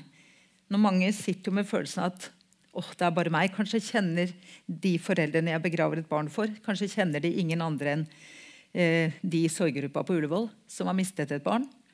Eh, I Norge er det jo heldigvis langt færre som mister barn enn mange andre steder. Eh, og da kan man fort føle det er bare meg, og man føler seg så aleine. Mens jeg vet jo, som prest som begraver eh, hele tiden, skal jeg si, så vet jeg at jeg er del av et stort sørgende fellesskap av folk som mister. Og det gir jo en annen type sånn balanse inn. da. Mm. Jeg har tenkt å gi mikrofonen til publikum veldig snart. Men du skal få lov, fordi du ser litt ivrig ut. Ja, for, for, for jeg, jeg, tenker at det, eh, altså, det, det, Misforståelsen folk har når de kommer til meg, er jo at uh, jeg skal fjerne smerten. på en eller annen måte, For det er det man kanskje forventer når man kommer til et sykehus. At man får noe smertestillende, eller at uh, ting blir reparert. Ja. Og Det er derfor jeg er liksom, nesten misfornøyd med at uh, psykisk helse ligger i, i, i, et, i sykehuset, som assosieres med så mye somatikk. da. For det, når man har vanskelige følelser, så tror jeg som venn så har man en slags idé om at ja, det er min oppgave å prøve å fjerne den følelsen og gi deg en god følelse isteden. Mens eh, av en eller annen grunn så er det å tåle følelsen og gi følelsen et uttrykk det som fungerer best. Og det vet man ikke egentlig helt hvorfor, men man har sett det for på uh, folk som er redd for edderkopper. Hvis, hvis, de kommer inn i et rom hvor det er edderkopper langs uh, veggen i et eh, akvarie, så vil de menneskene som får beskjed om at nå skal du uttrykke hvilke følelser du har når du kommer inn i det her, så tydelig du klarer. De med edderkoppfobi de kommer nærmere edderkoppene enn de som ikke får noen beskjed. De skal bare prøve å holde ut. og Så, nei, det er ikke farlig. Mm, så, så, Hver gang man prøver å undergrave følelsen, så får den større kraft. Så det å uttrykke den er i seg selv eh, helbredende når det gjelder følelser. Bare tillate å tåle å føle. Og Det tror jeg liksom, gjør de gode hjelperne. De orker å sitte ved siden av, og de ser det ikke som sin oppgave å fjerne den andres smerte. For den smerten er den vi må inn i gjennom å, å forstå hva slags signal er det dette her eh, sender. Så jeg tror Ole Jakob Madsen som pleier å ha der, uh, ideen om at hvis du våkner på natta med, med, hjertebank, så vil du kanskje i dag tenke at jeg er syk, jeg må til legen, dette er panikkangst, jeg må få en medisin. Mens hvis du spurte Kirkegård uh, for en stund siden, så ville Kirkegård si det der er, uh, Du er hjemsøkt av en tjenende demon som tvinger deg til å ransake sjelen din. Så, så, Det er et slags symptom på at her er det en manglende vedlikehold. Jeg har løpt fra meg selv. Det er et eller annet avgjørende valg jeg ikke jeg vegrer meg for å ta. altså at Det er et signal, ikke noe som skal fjernes. Ikke et symptom, ikke noe som skal vekk. Og det å tåle å være i, eh, i følelsen, det, det synes jeg er den største oppgaven, den vanskeligste oppgaven for meg når folk har veldig, veldig mye smerte. Og det er faktisk vanskeligst med døden. Derfor kunne jeg aldri vært i din posisjon. For nå har jeg en datter som har blitt, eh, hun er 13, og hun, hun får sånne eksistensielle ting som jeg blir helt kvalm av. Sånn der jeg tenker på vår endelighet som ateist, så er det ganske dramatisk. Altså, det, det er eh, det, livet blekner. altså vi, vi, fødes, vi sliter, prøver å leve opp til alle disse kravene og forventningene, og så dør vi. Og, og, og så blir vi glemt. Og, og den, den, Når jeg virkelig tar det innover meg, ikke bare sånn morsomt, men med følelsen, så blir jeg nesten kvalm. Og når hun kommer med denne undringen rundt døden og denne frykten for døden og ikke få sove, så er, så er, det som om du ber meg løfte 250 kilo, benk du, nå sammen med deg. Klarer, kan, ikke vi, kan, ikke vi, se på 'Ikke lov å le på hytta' eller noe? da? Altså, altså, det er fryktelig vanskelig for meg å være til stede i den følelsen og signaliserer sannsynligvis at den følelsen er farlig. Den må vi ikke ha. Prøv å unngå den. Uh, og, og, spesielt da med døden, som jeg vet er den vanskeligste. Det var egentlig prosjektet mitt inn i å ha samtaler om døden og hva folk tenkte om døden. for å, Det var min måte å nærme meg døden på. da.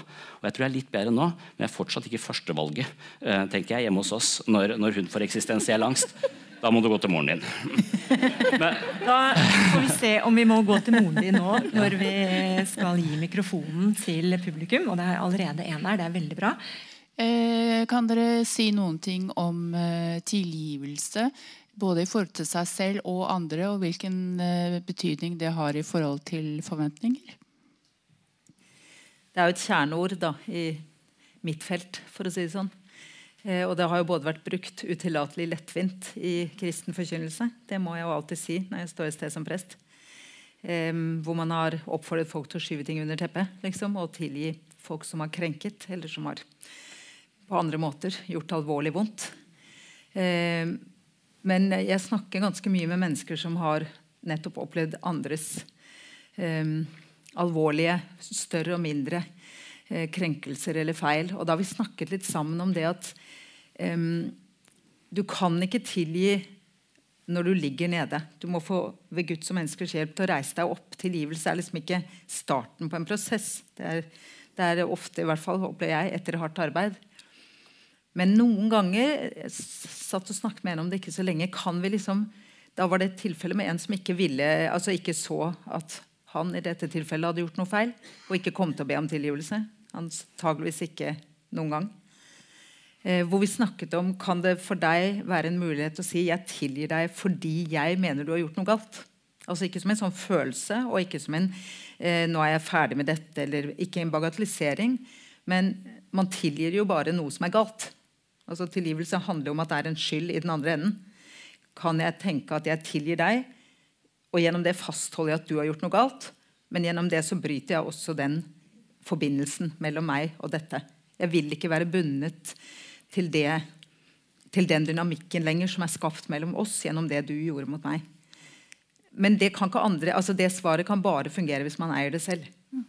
Men, men jeg har sett en del ganger at når folk har klart å på en eller annen måte etter hardt arbeid og til jus har de på en måte klart å skyve noe av alt dette som gjør så vondt, lenger ut. At det ikke liksom blir en, en spiral. Men jeg har en kollega, jeg kjente henne ikke, men jeg leste et stort intervju med en engelsk prest. Og Hun sluttet å jobbe som prest fordi datteren hennes ble drept eh, under terroraksjonen på T-banen i London i 2007, tror jeg det var. Og hun sa jeg kan ikke jobbe i et yrke hvor jeg skal stå og preke tilgivelse hele tiden. Mens jeg tenkte tvert om. Det er jo du som skulle vært her og sagt hvor vanskelig det er. Eh, og at eh, Noen ganger må man bare si Gud, vet du hva, dette må jeg, altså som religiøs da, Hvis man er sekulær, må man finne en annen måte å gjøre det på. Men som, som religiøs så kan jeg si dette er i dine hender, for jeg klarer ikke å tilgi. Men ikke sant? jeg får jo stadig folk som kommer til meg. Den mest sentrale bønnen i kristendommen heter Fader vår. og Der sier vi at vi ber vi om eh, 'tilgi meg min skyld, slik jeg tilgir mine skyldnere'. Og Så kommer folk og spør meg men kan ikke Gud tilgi meg, da, hvis ikke jeg klarer å tilgi. Så dette kan vi ikke snakke lettvint om. Men den der vanlige tilgivelsen, den der litt sånn rause for å få maskineriet mellom oss til å funke, den, eh, den vil jeg gjerne utfordre folk på. Men den litt større og alvorligere, den må man eh, snakke ordentlig om. Vi må gå litt videre, for jeg så det var flere hender. Beklager. Ja, har bare et kjapt spørsmål til resten. Altså, vi, vi, eh, det kommer en, en, dame inn på kontoret mitt, skjønn, eh, et, et, skjønt menneske. Hun hadde truffet en eh, på byen, blitt med han hjem, og så kom det tre til, og det gikk til helvete. Mm. Og da tenkte jeg Og der sitter du, og uh, saken ble henlagt, bla, bla, bla. Vi trenger ikke å prate om dette her. Nå må vi bare ta permisjon, og så må vi finne disse folka og drepe dem. Det er, det er min naturlige innskytelse. Og hvis vi hadde klart det, så tror jeg jammen meg vi hadde fått det bedre. Jeg tror vi dropper samtaleterapien her. Vi kjører Dexter-style. Og det, er det lov å forvente at, er det, Vil det være en løsning? Altså, jeg For å si sånn, Det er i hvert fall veldig lov å føle. ja. Kan jeg bare få lov å si noe veldig kort om det? For jeg tenker at uh, det er, det er, Vi holder på til midnatt, vi dere. Det er viktig dette her, fordi ja, de der små tilgivelsene det, det, bør vi være gode på. Bør være large, som det heter på, på, godt norsk, med hverandre. Men disse alvorlige krenkelsene, det er å pålegge offeret at du skal tilgi, fordi da får du det så mye bedre, og da får den andre så mye bedre. Altså folk som har blitt utsatt for seksuelle mm, overgrep i barndommen, f.eks. Ja, kommer du nå 30 år etterpå og skal ta opp Det her er jo så lenge siden. La det gå. Det er en sånn ekstra byrde som vi legger i tillegg til den krenkelsen. Og så blir det som at den historien de kommer med, kommer med og den smerten de kommer med, det teller ikke. Så det der med tilgivelse der, Det er en feil bruk av tilgivelse. Det er, ja, det er mulig. Hvis jeg skal tilgi, så skal jeg faktisk gjøre det for min egen skyld. Ja, for din egen skyld, Men noen ganger så tror jeg at man Dette er jo, dette er jo et empirisk spørsmål om man får det bedre eller ikke av å tilgi. For noen mennesker så får man sikkert det, men jeg tror at for noen så handler det om å eie ei, vel, jeg, jeg, jeg, vil ikke oppfordre til det, men for noen så handler det om å eie sin egen mm. historie og si at 'jeg ble faktisk utsatt for dette overgrepet'. Um, og det må du fortsatt si uansett. Og, og, jeg trenger ikke å tilgi. Jeg har kommet meg videre. Men det den personen eller de personene gjorde mot meg, det er utilgivelig. Det må også være lov å, å, å ha det ståstedet. Vi som som si, bystanders kan ikke stå og forlange at noen skal tilgi det men, men, du skjønte jeg sa at det nettopp ja. handler om å fastholde noe galt. Det handler ikke, altså man må, Så jeg, jeg, jeg følger deg helt. Men jeg tror at tilgivelse kan være frigjørende hvis det handler om å fastholde noe galt. Jeg er enig, Det handler ikke om at du skal føle at nå kan jeg nesten være glad i deg. Ja, jeg er enig, men jeg tror også, ja, Det kommer an på hva man Men mener noen med ganger går det tilgivelse, men noen ganger så går det ikke. Og det er også helt greit. Det er to minutter igjen. Har vi noen eh, flere spørsmål? Jeg ser ingenting. Kan ikke du ta styringen, eh, Katrine? Der tar du styringen. Veldig bra. uh, rast. Um, eh, angående oppvekst i dag og forventning. Det har, det hatt et par skiller mellom forventning og identitet og behov. Som jeg ofte tror faller litt igjennom. Og Særlig for de som vokser opp i dag, så er det nesten litt sånn edustronistisk at alt blir forventning. Så kaster man bort egen behov, egen identitet og, og viljer. og Så blir man viljeløs, og så har vi rekordmange unge uføre som går på studiespesialiserende. Ikke noe valg, alt er bare spesialiserende, forberedende i 13 skoleår til vi er i midten av 20-årene, og så står man der, og så har man, ikke, for, har man ikke koblet seg til. Man har ikke hatt dødtiden på Gardermoen, som du hadde, hvor du Mm. fikk tid til å finne ut hvem i all verden er jeg, og hva, hvilke behov har jeg. Ikke forventninger som er rundt meg, men hvilke behov har jeg. da, Og det handler om identitet, som du snakker om. da. Hvis vi vil snakke om litt om, om eh, det. Mm. Ja. Jeg tror det er en kobling mellom eh, det kan man kalle opplevelsesselve og det narrative selve. At vi har noen historier og forventninger som installeres av kulturen, som vi bare følger slavisk. Men så må vi også sjekke inn med hvordan opplever jeg det. Men det opplevende selve og historien vi forteller om oss selv, det er ofte stor avstand. Så Noen ganger så forteller jeg en historie om meg selv som overhodet ikke er sann. Jeg forteller av og til om fortiden min, om ting som ikke har skjedd for jeg trodde det hadde skjedd, for det er historien om, om mitt liv. Men det å koble inn og kjenne til hva føler jeg i denne situasjonen, hva, uh, hva, ønsker jeg nå? Lodde dybden og, og kjenne etter på mine egne behov og mine egne innskytelser og putte det tilbake i historien, det tror jeg er en viktig sånn vekselvirkning hele tiden. Men jeg er helt enig med deg. Det er det ikke plass til når man bare skal eh, være best i klassen og få de beste karakterene for å komme inn på det eh, universitetet du må for at livet ditt ikke skal slutte og du skal bli en eh, person som ikke egentlig er, har kapasitet til å leve et liv, for du må inn der og der og ha det og det. Og, så så jeg, jeg tror det er en enormt slitsom eh, affære, det der. Og det å kjenner etter og ta to år i Thailand på, som backpacker, og så, som man drev med før i, før i tida. Altså det, det, det ufornuftige. Eller det som eh, Det, det, er viktig. Men, eh, men mange er ikke i kontakt, også i voksen alder, med eh, den umiddelbare opplevelsen. Og øh, den vil også si, kan man mene at de aldri kan møtes. Han sier at Hvis du er på en ferietur i 14 dager, og så er 90% av det helt fantastisk, mens på slutten så får du en litt for høy regning, og han bak disken er litt ufin med deg, så du begynner å krangle med han, så vil du historien om den turen etterpå bli var helt forferdelig sted, Må aldri dra dit. Helt jævlig. Var på Gran Canaria. Bare, altså, så, så, sånne små høydepunktsopplevelser, og gjerne det vi opplever på slutten, det er det som blir en del av historien vår. Så, så historien vår, eh, det, som også blir toneangivende for hva vi forventer etterpå. Eh, så så det, det vil ofte bedra oss litt, dette umiddelbare selve. Og ofte så får vi masse ideer om hvordan vi skal være og hva vi skal gjøre. Og da, da er det veldig stor sjanse for at du, du lever et liv diktert av noen andre enn deg selv. Eh, og, det er, eh, Da tror jeg du kommer til å føle en sånn vag fornemmelse at du, at du ikke er tilfreds på et eller annet nivå. Da.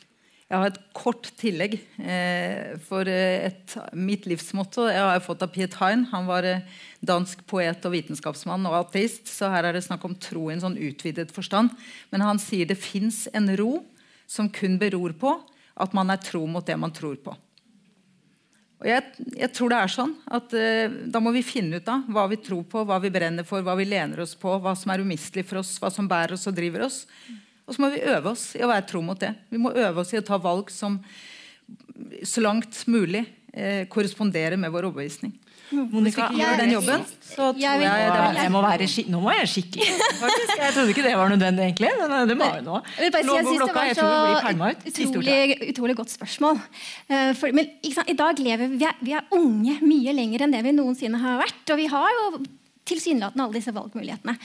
Um, noen føler at de blir presset inn i dette med studier og dette løpet relativt tidlig. Andre, sånn som meg, brukte tolv år fra videregående til universitetet. Hvor jeg kava i 20-årene. Hva i all verden skal jeg eh, gjøre med livet mitt?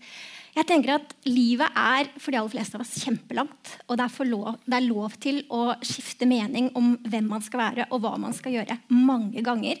Og du kan også bli førsteamanuensis i filosofi i en alder av 49 år. Det er, det er mulig, det også.